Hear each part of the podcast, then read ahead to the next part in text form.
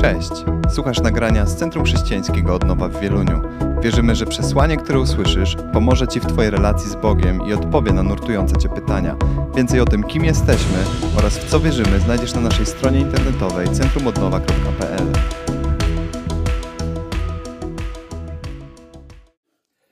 Tak jak e, Ila wspomniała, jesteśmy w serii mówiącej o siedmiu decyzjach, które, które mogą zmienić e, Twoje i moje życie.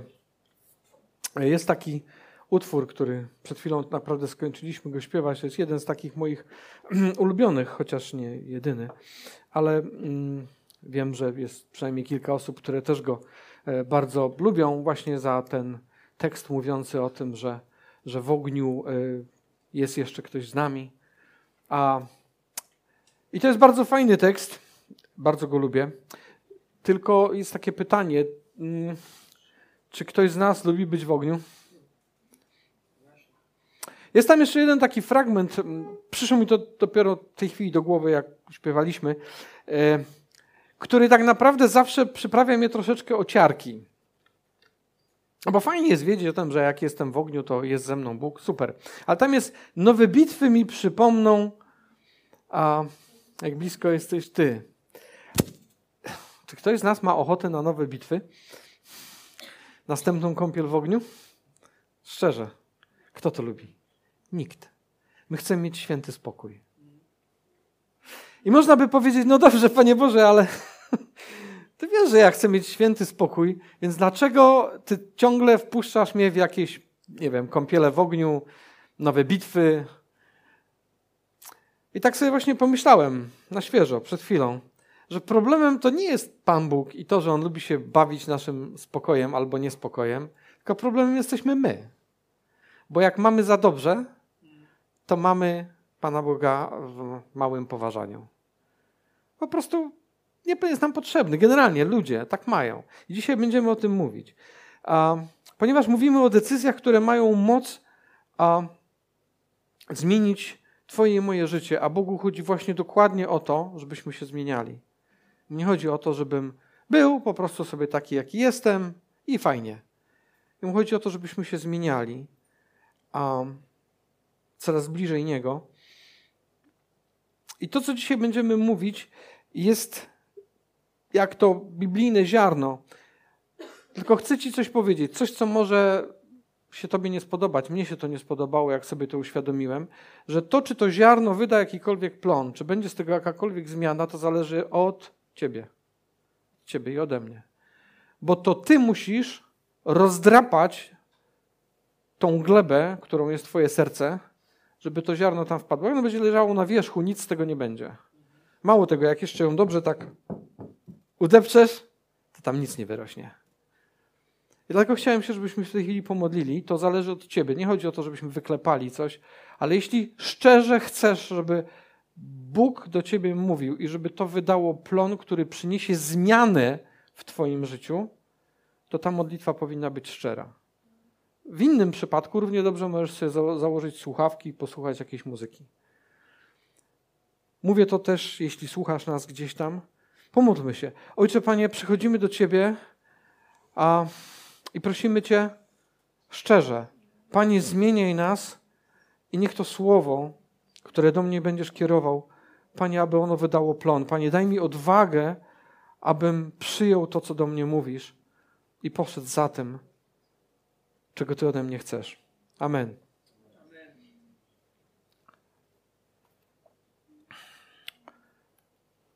Dzisiaj mówimy o decyzji o pozostaniu. W sumie brzmi fajnie, prawda? Decyzja o pozostaniu. Ale pomyśl sobie, że siedzisz właśnie w ogniu, to ostatnia rzecz, na którą masz ochotę, to jest pozostać. Albo jak jesteś na rozszalałym morzu, to ostatnia rzecz, na którą masz ochotę, to jest pozostać. Jest taka księga w Starym Testamencie, tak na marginesie, nie wiem, czy zastanawiałeś się kiedyś na tym, jak to jest, że trzy czwarte Biblii to jest Stary Testament. Wielu ludzi, jak z nimi rozmawiam, miałem takie same odczucie, jak zaczyna czytać Stary Testament, to albo mają dreszcze, albo mają, nie wiem, straszne rzeczy się dzieją, a jednak to jest. Mało tego, żebyśmy przez przypadek nie myśleli, że nie, to, to Stary Testament to nieważne jest, to jeszcze w Nowym Testamencie jest powiedziane, że całe pismo jest natchnione. Całe. Jakbyś miał wątpliwość, nie, no to takie dziwne tam jest w ogóle, nie chcę tego czytać. To zostało tam umieszczone i natchnione przez Ducha Świętego po to, żebyśmy to czytali. I żeby to przynosiło to ziarno, które czasami może być gorzkie, ale ono leczy, ono zmienia. Dzisiaj a, chciałem przejść do takiej księgi, niedużej, e, w Starym Testamencie, nazywa się Księgą Rut. E, pewnie wielu z Was ją czytało. Zaczyna się to w ten sposób. W czasach, gdy rządzili sędziowie, nastał w kraju głód. Jedno pierwsze zdanie już młotkiem po głowie. E, ja tak czasami mam, że czytam coś któryś z kolei raz i nagle patrzę na to i mówię, aha, dlaczego ja tego wcześniej tu nie wiedziałem? A tu w pierwszym zdaniu jest napisane w czasach, gdy rządzili sędziowie. No fajnie, sędziowie rządzili w Izraelu, ale jest następne pytanie. Co to były za czasy? Czasy rządów sędziów to były czasy, kiedy de facto w Izraelu nie było króla. To był, to był czas anarchii. To było jakieś 400 lat, całkiem spory szmat czasu, kiedy, jak to jest napisane e, w Księdze Powtórzonego Prawa bodajże, e, każdy robił co chciał. Każdy robił co chciał. Tam nikt nie przestrzegał już prawie że niczego. Może nie nikt, ale niewielu. A to, jak zapewne wiecie, jest oznaką tego, że Izrael był zbuntowany. A zatem był to czas, gdy rządzili sędziowie. Sędziowie, y, jeśli ktoś z Was tego nie wie, to nie były takie osoby, jak dzisiaj rozumiemy sędziego. Były osoby, które były indywidualnie powoływane przez Boga do konkretnego zadania. Oni rządzili cały czas, oni pojawiali się. E, tam był wśród nich Gedeon, był, był Samson, e, była Debora na przykład. I pojawiali się i Bóg kierował ich do jakby Izraela po to, żeby oni przeprowadzili Izrael przez bardzo konkretną rzecz, konkretne wezwanie. nastał w kraju głód. Hmm, głód w Izraelu. Przecież Bóg obiecał w piśmie, Możecie to przeczytać e, jak najbardziej, gdzie Bóg mówi jasno i wyraźnie: jeśli będą, Izraela, do swojego ludu, jeśli będziecie postępować tak, jak ja wam nakazuję, parafrazuję już to zdanie, jeżeli będziecie robić to, co ja wam nakazałem, będziecie szli moimi drogami, to nigdy nie zabraknie wam mojego deszczu, mojego słońca, moich plonów, będziecie najedzeni do syta i będziecie żyli w dostatku. To jest Boża obietnica. A zatem te dwie rzeczy, czas tak naprawdę anarchii, buntu, y, ciemny czas w historii Izraela i był tam głód. To znaczy, że Bóg powiedział: OK, nie robicie tak, jak ja was prosiłem, żebyście robili, no to muszę was przywołać do porządku. Idźmy dalej. Wówczas z Betlejem, z Betlejem w Judzie, wyszedł pewien człowiek wraz z żoną i dwoma synami, aby jako cudzoziemiec zatrzymać się na polach Moabu. Zatrzymajmy się tutaj. E, żeby dotrzeć e, z Betlejem do pól Moabu, to on musiał przejść naprawdę szmat drogi. I to szmat drogi przez bardzo nieciekawe miejsca. To nie było tak, że było głodno i on sobie pomyślał z rodziną, a pójdę tam, może tam będzie lepiej. To była cała wyprawa, a Moab to było takie miejsce, którego Bóg generalnie nie lubił i nie błogosławił. Ujmując to już bardzo delikatnie. Więc to, że on się zdecydował wraz z rodziną pójść do Moabu, to była wyprawa zdecydowanie w złym kierunku. I to jest bardzo ważne. On nie zde...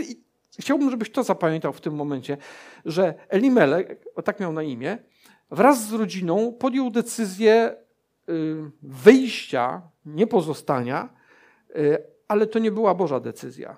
To nie był Boży kierunek, ale podjął taką decyzję.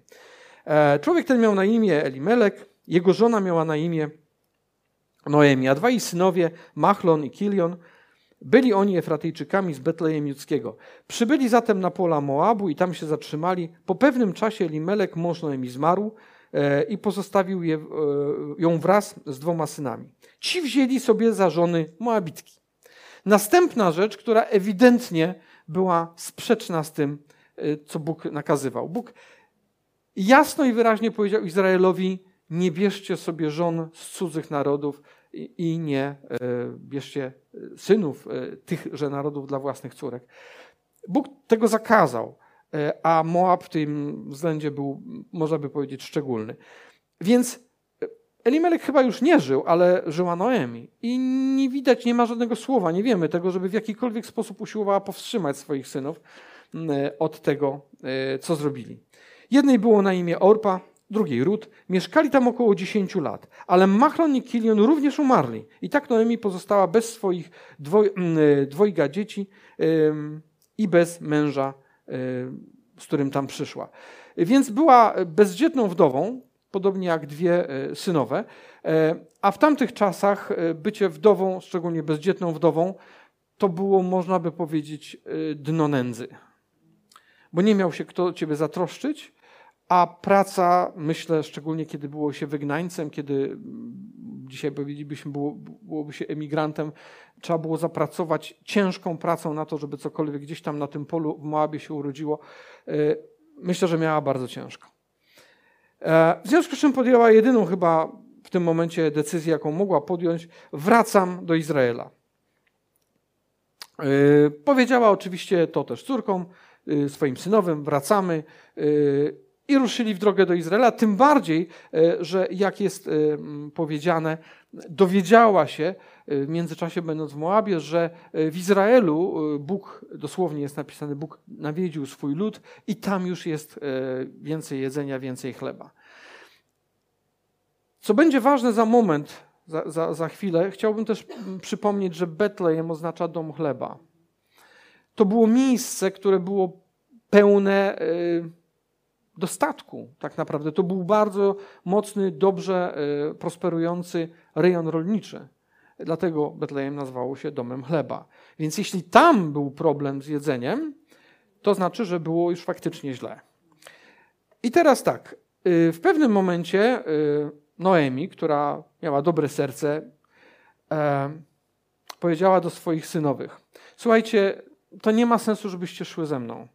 E, wy będziecie, ja parafrazuję już teraz, skracam, będziecie obcymi, e, idźcie sobie wracajcie do swojego domu, do swoich matek. E, tam znajdziecie sobie, jesteście młode, znajdziecie sobie męża, będziecie żyły nowym, fajnym życiem, a ja jestem już stara, wrócę e, do swoich starych kątów.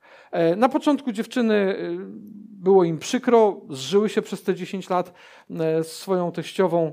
Mm, najwidoczniej było w niej coś, co było fajne i pociągające.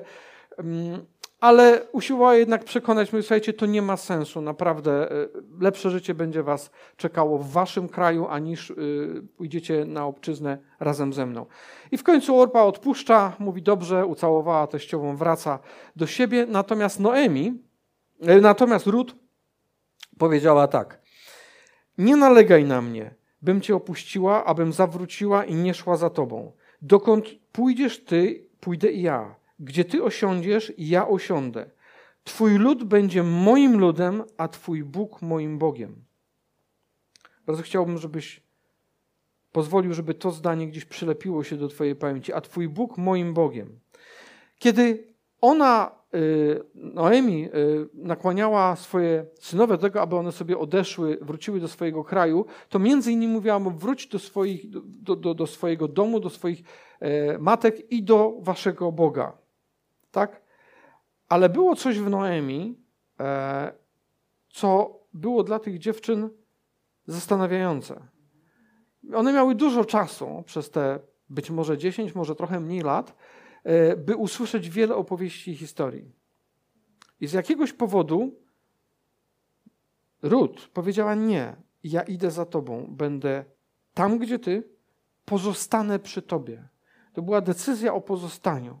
Czy to było łatwe? Wyobraźcie sobie sytuację. Bardzo chciałbym, żebyś, żebyś to zrozumiał, bo jeżeli jesteś w trudnej sytuacji albo będziesz w jakimś ogniu, to będziesz myślał w tych kategoriach: no dobrze, ale gdzie będzie mi lepiej?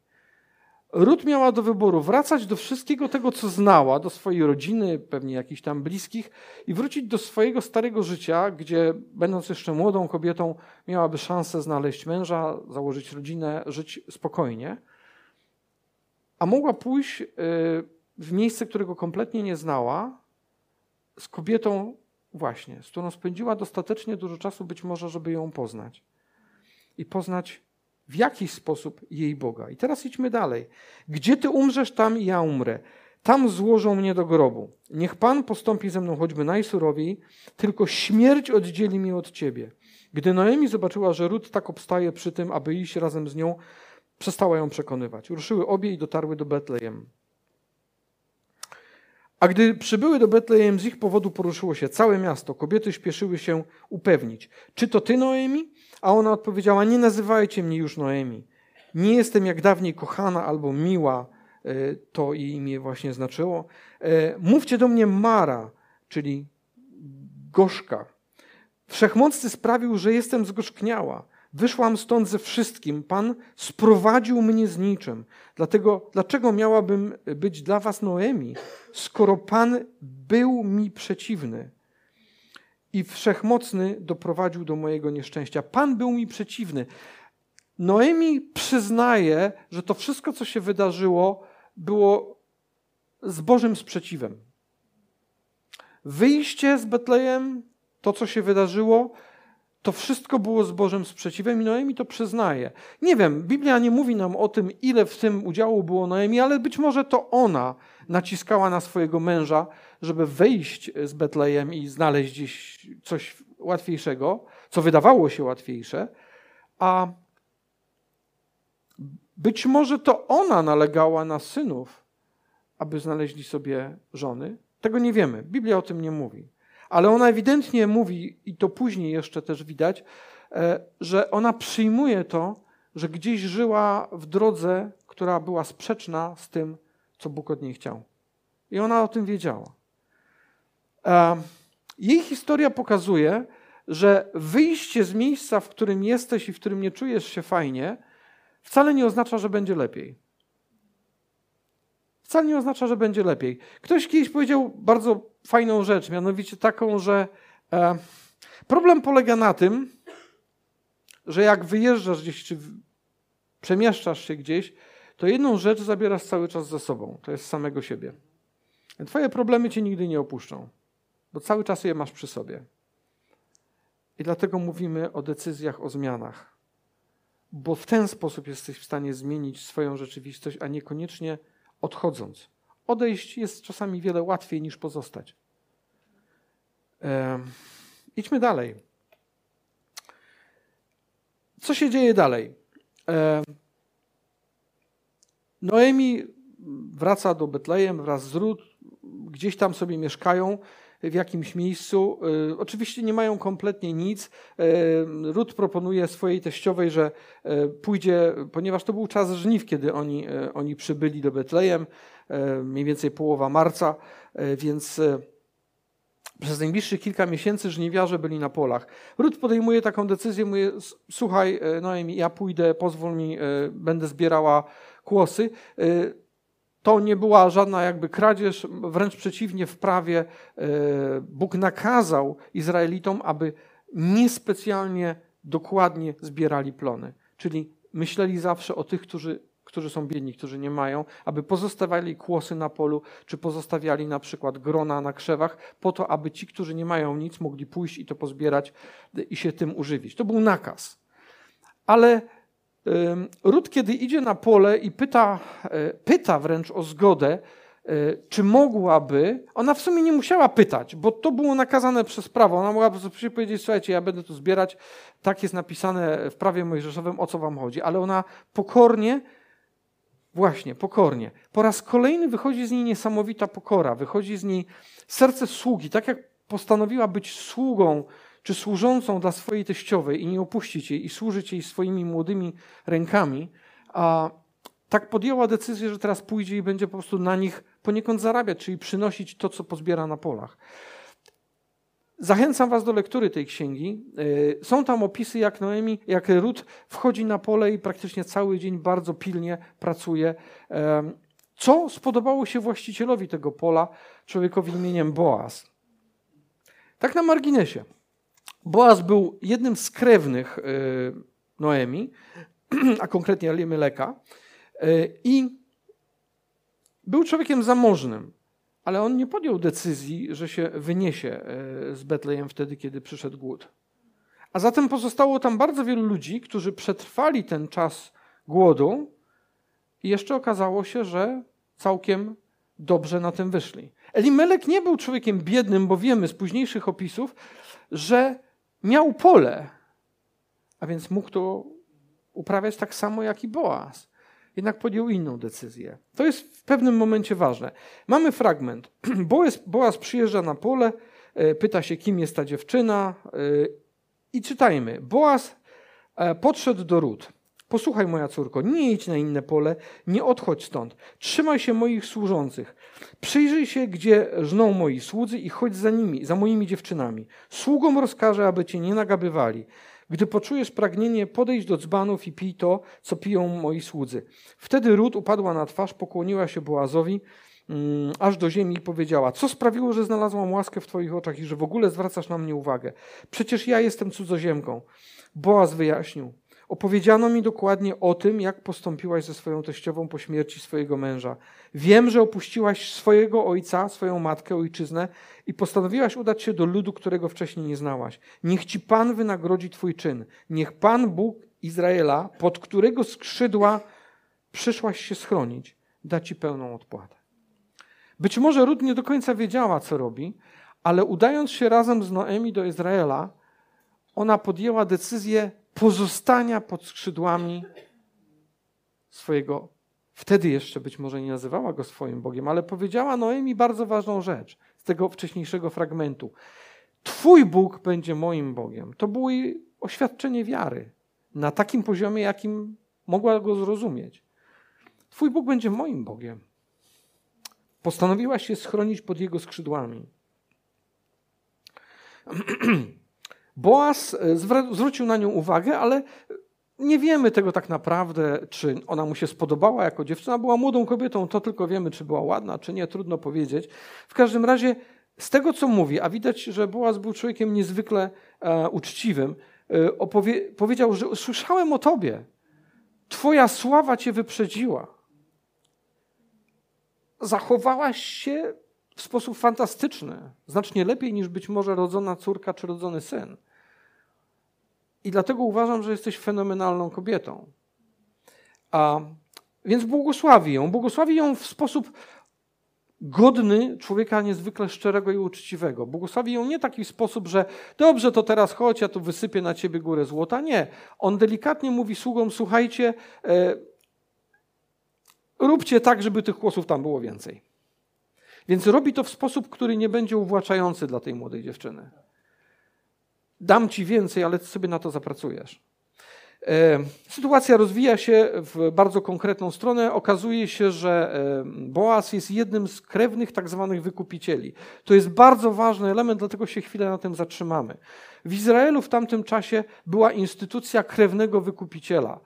To, był, e, to była osoba, która miała bardzo ważne obowiązki w stosunku do swojej rodziny. Między innymi obowiązkiem było wykupienie danego człowieka z niewoli. Jeśli został przejęty, stał się niewolnikiem, to wykupiciel, krewny wykupiciel musiał wykupić go z niewoli. Musiał wykupić również jego na przykład pole. E, było jeszcze kilka innych obowiązków.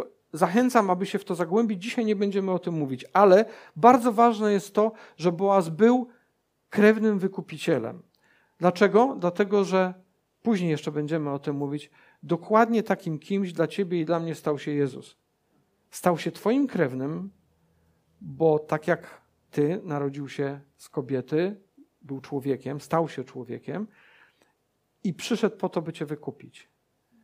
Według tego samego prawa, według tej samej zasady. To jest fascynujący temat, ale Boaz, będziemy to widzieć za chwilę, jest tak naprawdę pewnym pierwowzorem, pewnym archetypem Jezusa. Błogosławi tą młodą dziewczynę, e, ale również dzieje się taka sytuacja, że ponieważ Noemi zdaje sobie sprawę z tego, że on jest wykupicielem, więc e, namawia Rut, aby zaproponowała e, Boazowi małżeństwo.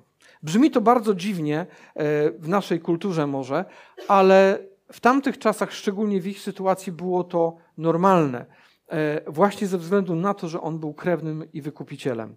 Więc e, Ród na swój sposób, zachęcam do lektury, oświadcza się w pewien sposób e, Boazowi.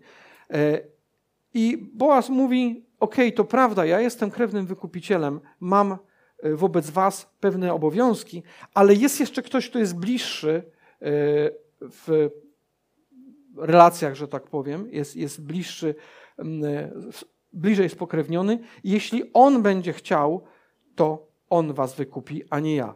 Y, bardzo y, sprawnie Boaz y, montuje sytuację, w której pyta tego człowieka, czy on zechce ich wykupić tamten y, najpierw chce, a potem, kiedy okazuje się, że to jest niestety pakiet, bo nie tylko fajne pole, ale również cała ta rodzinka, y, łącznie z żoną y, nową. I on mówi: Nie, nie, to w takim razie ja dziękuję. To już za dużo, ja, ja, ja postoję. Mm, to był obowiązek wykupiciela. Chcę Wam o tym powiedzieć, bo dlaczego? To jest fajny fragment, gdzie jest napisane, dosłownie, jeśli, jeśli przyjrzycie się temu e, w, w, Grece, jest napisane, że szedł właśnie ten człowiek, który był tym bliższym wykupicielem, taki a taki, nie podane jest jego imię. Dlaczego? Dlatego, że Bóg w swoim prawie powiedział, że ten, który się nie podejmie tego dzieła wykupienia swoich najbliższych, niech jego imię będzie wymazane. I tak się dzieje tutaj, że nie ma podanego jego imienia, a w, jeżeli przyjrzycie dokładnie tekstowi, tak jak powiedziałem, jest napisane i pojawił się ten kuzyn taki a taki, czyli nie ma podanego nawet imienia. Dlaczego? Bo on się de facto e, zrzekł. On powiedział, nie, nie, ja dziękuję. Oczywiście to było absolutnie w Tomi Graj Boazowi i również Ród. Dlaczego Ród? E, ktoś może pomyśleć, że no nie, no, no wiadomo, on był zamożny, no to ona poszła to jak w dym. Pamiętajcie, że ona przez dwa miesiące chodziła po polu, gdzie praktycznie codziennie widziała Boaza. No nie było tak, że ona go nie znała. No nie było randkowanie w dzisiejszym stylu, ale ona poznawała go w rzeczywistym działaniu, jak się odnosi do swoich sług, jak o nich dba. Ona to wszystko widziała, więc ona wiedziała, jakim on jest człowiekiem. Dwa miesiące to dużo czasu. Codziennie tam była, codziennie zbierała i codziennie widziała Boaza jak rozmawiał. Łatwo jest, kiedy się z kimś randkuje, e, przystroić się w piękne piórka, prawda, powiedzieć, ja jestem fantastyczny w tą godzinę, czy tam ileś, kiedy z tobą spędzam, ale pomyślcie, jak trudno jest udawać cały czas, że jestem taki fantastyczny. Jeśli jesteś w środowisku pracy, szczególnie z ludźmi, którzy ci podlegają i tak dalej, w końcu wylezie z ciebie prawdziwa natura. Ruth widziała, jaki był Boaz. Dlaczego o tym mówię? Dlatego, że żebyśmy widzieli, że to, to te wszystkie zdarzenia, które się dzieją, nie są przypadkiem. W końcu e, Boaz podejmuje decyzję oczywiście o wykupieniu e, Noemi, czyli jej własności pola, ale również przyjmuje e, Rut, bierze ją za żonę.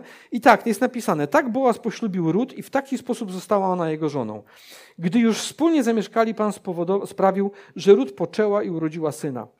Wtedy kobiety powiedziały do Noemi: Błogosławiony niech będzie Pan, nie pozostawił on ciebie bez wykupiciela.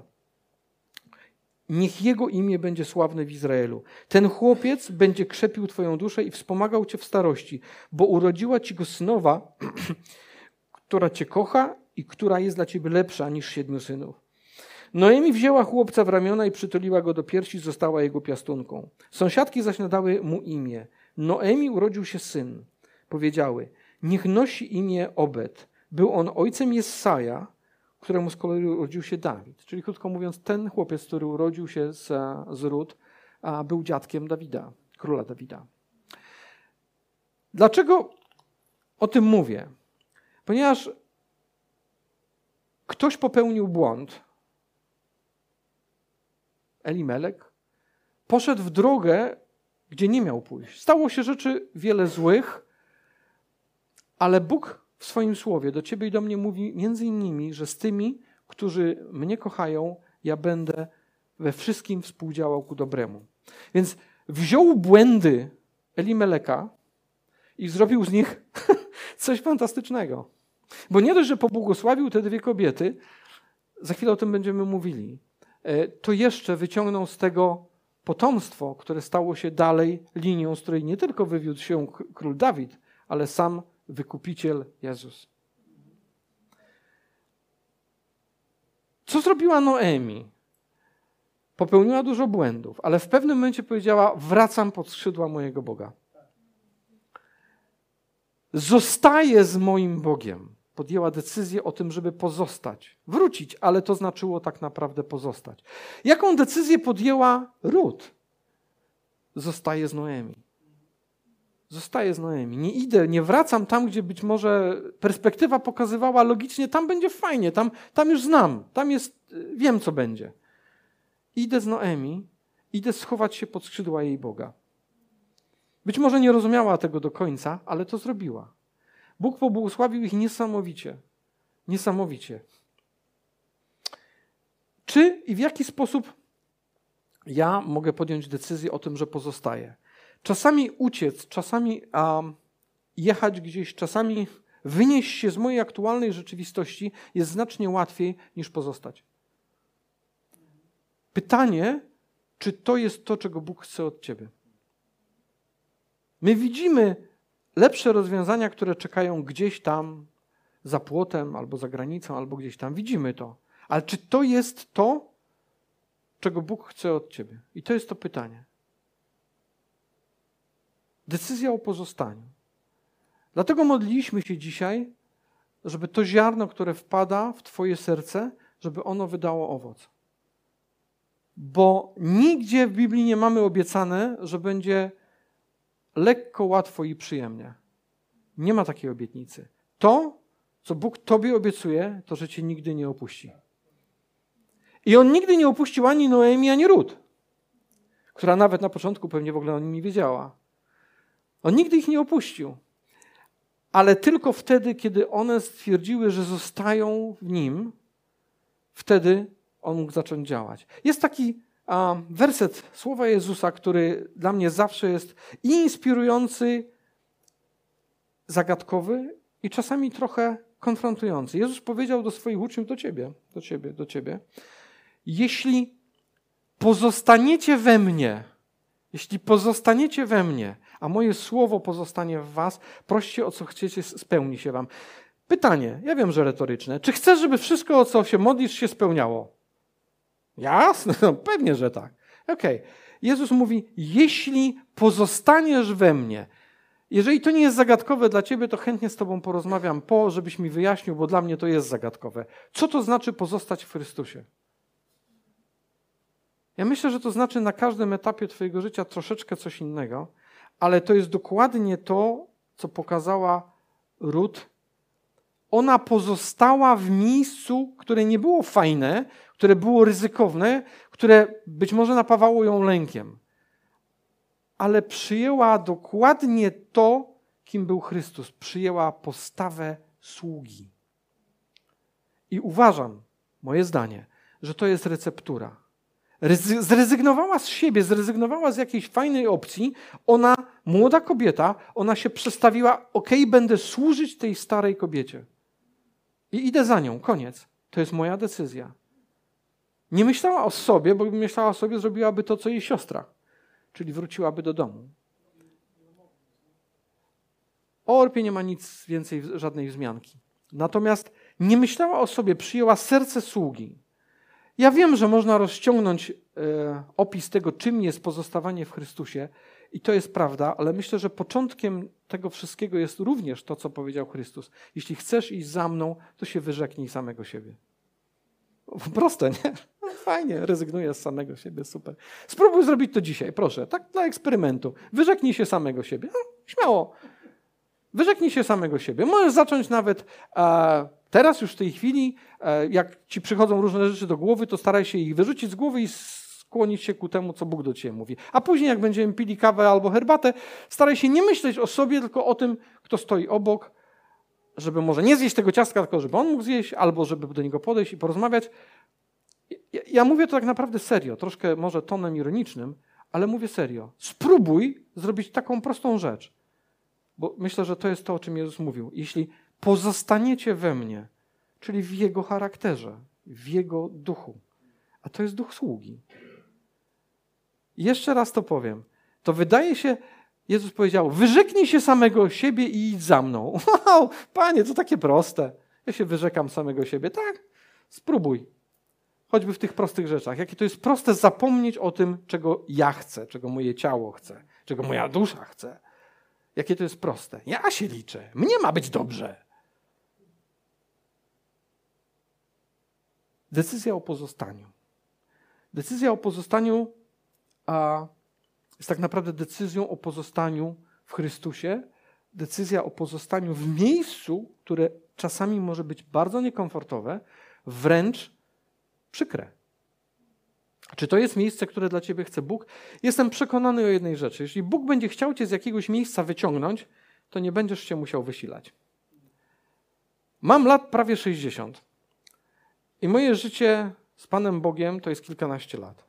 I mogę ci powiedzieć z ręką na sercu, jak Bóg chce cię gdzieś umieścić, to nie musisz się wysilać. On znajdzie sposób, żeby cię wyciągnąć z miejsca, w którym jesteś. Natomiast jak robisz to na własną rękę i bardzo się starasz, to najczęściej nie jest to wcale miejsce, które On dla ciebie planuje. Tak sądzę. Decyzja o pozostaniu. O pozostaniu w Nim przede wszystkim. Chciałbym, żebyśmy się o to w tej chwili pomodlili. Jeżeli, a myślę, że jeśli nawet nie jesteś w tej chwili w takim kociołku z ogniem, to będziesz. Mniejszym albo większym. I wtedy będziesz myślał o tym, jak się ratować, gdzie iść. Chciałbym, żebyśmy się pomodlili o nas wszystkich. O to, żebyśmy mieli dostatecznie dużo siły i odwagi, żeby nie patrzeć oczami takimi ludzkimi, tak jak patrzył Elimelek. No tam pewnie może będzie lepiej. Tam nie mają takiej suszy, jak, jak jest u nas. Żebyśmy potrafili patrzeć oczami i mieć na tyle odwagi, żeby przyjść do Chrystusa i powiedzieć mu: Panie, ja nie wiem, co mam robić. Nie podoba mi się to miejsce, nie podoba mi się to, co mnie w tej chwili spotyka. E, ty wiesz. Ty wiesz ale ja czekam na to, aż Ty mnie poprowadzisz. Żebyście mnie dobrze zrozumieli. Nie chodzi o to, że mam leżeć i nic nie robić. To jest ta decyzja czasami trudna, ale myślę, że decyzja o tym, żeby patrzeć nie na siebie, tylko na to, żeby służyć innym, to jest to, co cię wyprowadzi z błędu. To jest to, co spowoduje, że pójdziesz ścieżką dokładnie taką, jak Chrystus powiedział. Wąska jest brama, ciasna jest brama i wąska jest droga, która prowadzi do życia. Czy to brzmi zachęcająco? Nie. No ja bym wolał jechać szeroką autostradą, a nie jakąś dziwną, krętą drogą. Ale Jezus mówi, nie, nie, to tak nie wygląda. Ta droga jest wąska. Wiecie o tym, że tak powiedział. Tylko ile razy, kiedy podejmujesz decyzję, myślisz o tym? Nie, wybierasz autostradę, jasne, bo jest łatwiej. Czy to jest Jego droga? Tego nie wiadomo. Panie, prosimy Cię o to, Duchu Święty, abyś zachęcał nas do tego, abyśmy przyjęli postawę sługi. Postawę taką, jaką Ty, królu, miałeś, Ty masz. Ty, który rządzisz wszechświatem, przyszedłeś po to, by nam usługiwać? Panie, ja proszę Cię, abyśmy potrafili kierować się sercem sługi, a nie sercem egoisty. Panie, proszę Cię o to, abyśmy potrafili przyjąć to, co dla nas masz i pójść Twoją drogą, nawet jeśli początkowo ona nie wygląda zachęcająco, która być może jest bardzo trudna. Panie, proszę Cię o to. Panie, zapal w nas wiarę. Tak naprawdę, Duchu Święty, ja proszę Cię o, duch, o ducha wiary, o dar wiary. O to, żebyśmy naprawdę uwierzyli, że Ty masz nad wszystkim kontrolę. Nad naszym życiem też. Dlatego oddajemy Ci je. Jeśli jeszcze tego nigdy nie zrobiłeś, jeśli nie oddałeś swojego życia Bogu, albo tak naprawdę nie wiesz, czy ono jest Boże, czy nie, to zachęcam Cię, abyś to zrobił w tej chwili. Możesz to zrobić poprzez deklarację, poprzez decyzję. Tak, moje życie do tej pory układałem sobie sam. Teraz nie chcę, żebyś był, Panie, wisienką na moim torcie. Tylko chcę, żebyś był faktycznie Panem i przewodnikiem. Więc powtarzaj słowa modlitwy, które są tylko wskazówką, jeśli chcesz. a Bóg będzie to honorował i przyjmie Twoje oddanie.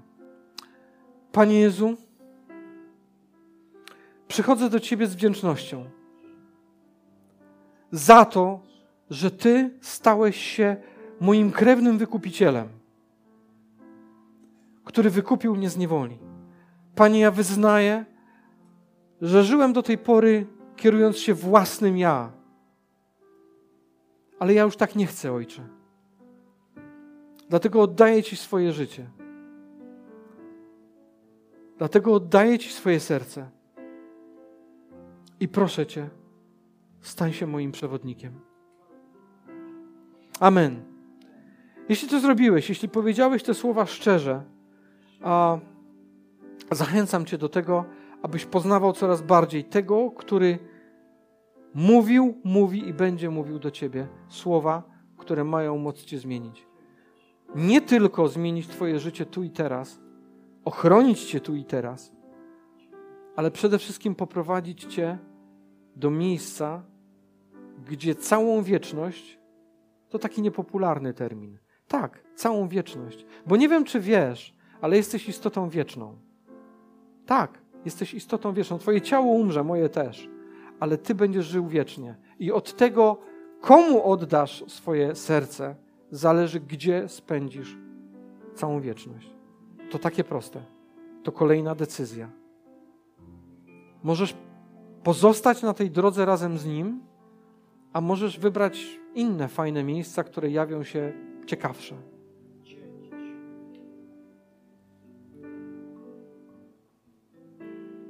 Zawsze jest czas na zawrócenie z tej drogi.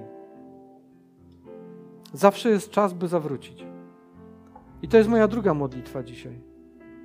O siłę dla nas, kiedy wiesz, że tak jak rodzina Elimeleka, nie poszedłeś w dobrym kierunku.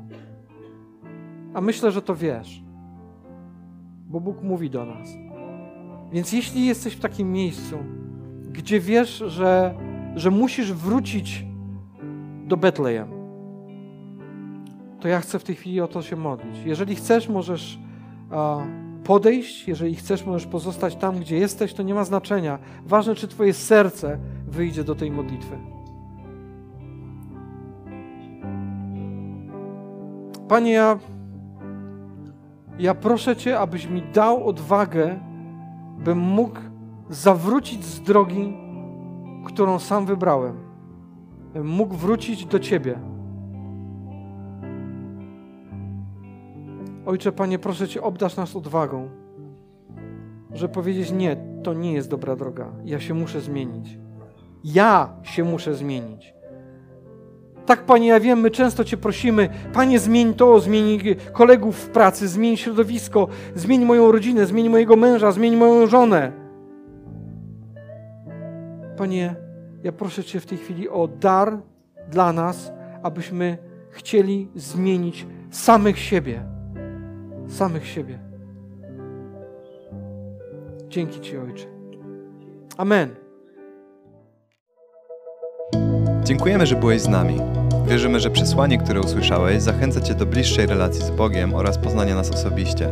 Zapraszamy Cię do odsłuchania kolejnych nagrań, a także skorzystania z naszej strony internetowej centrumodnowa.pl.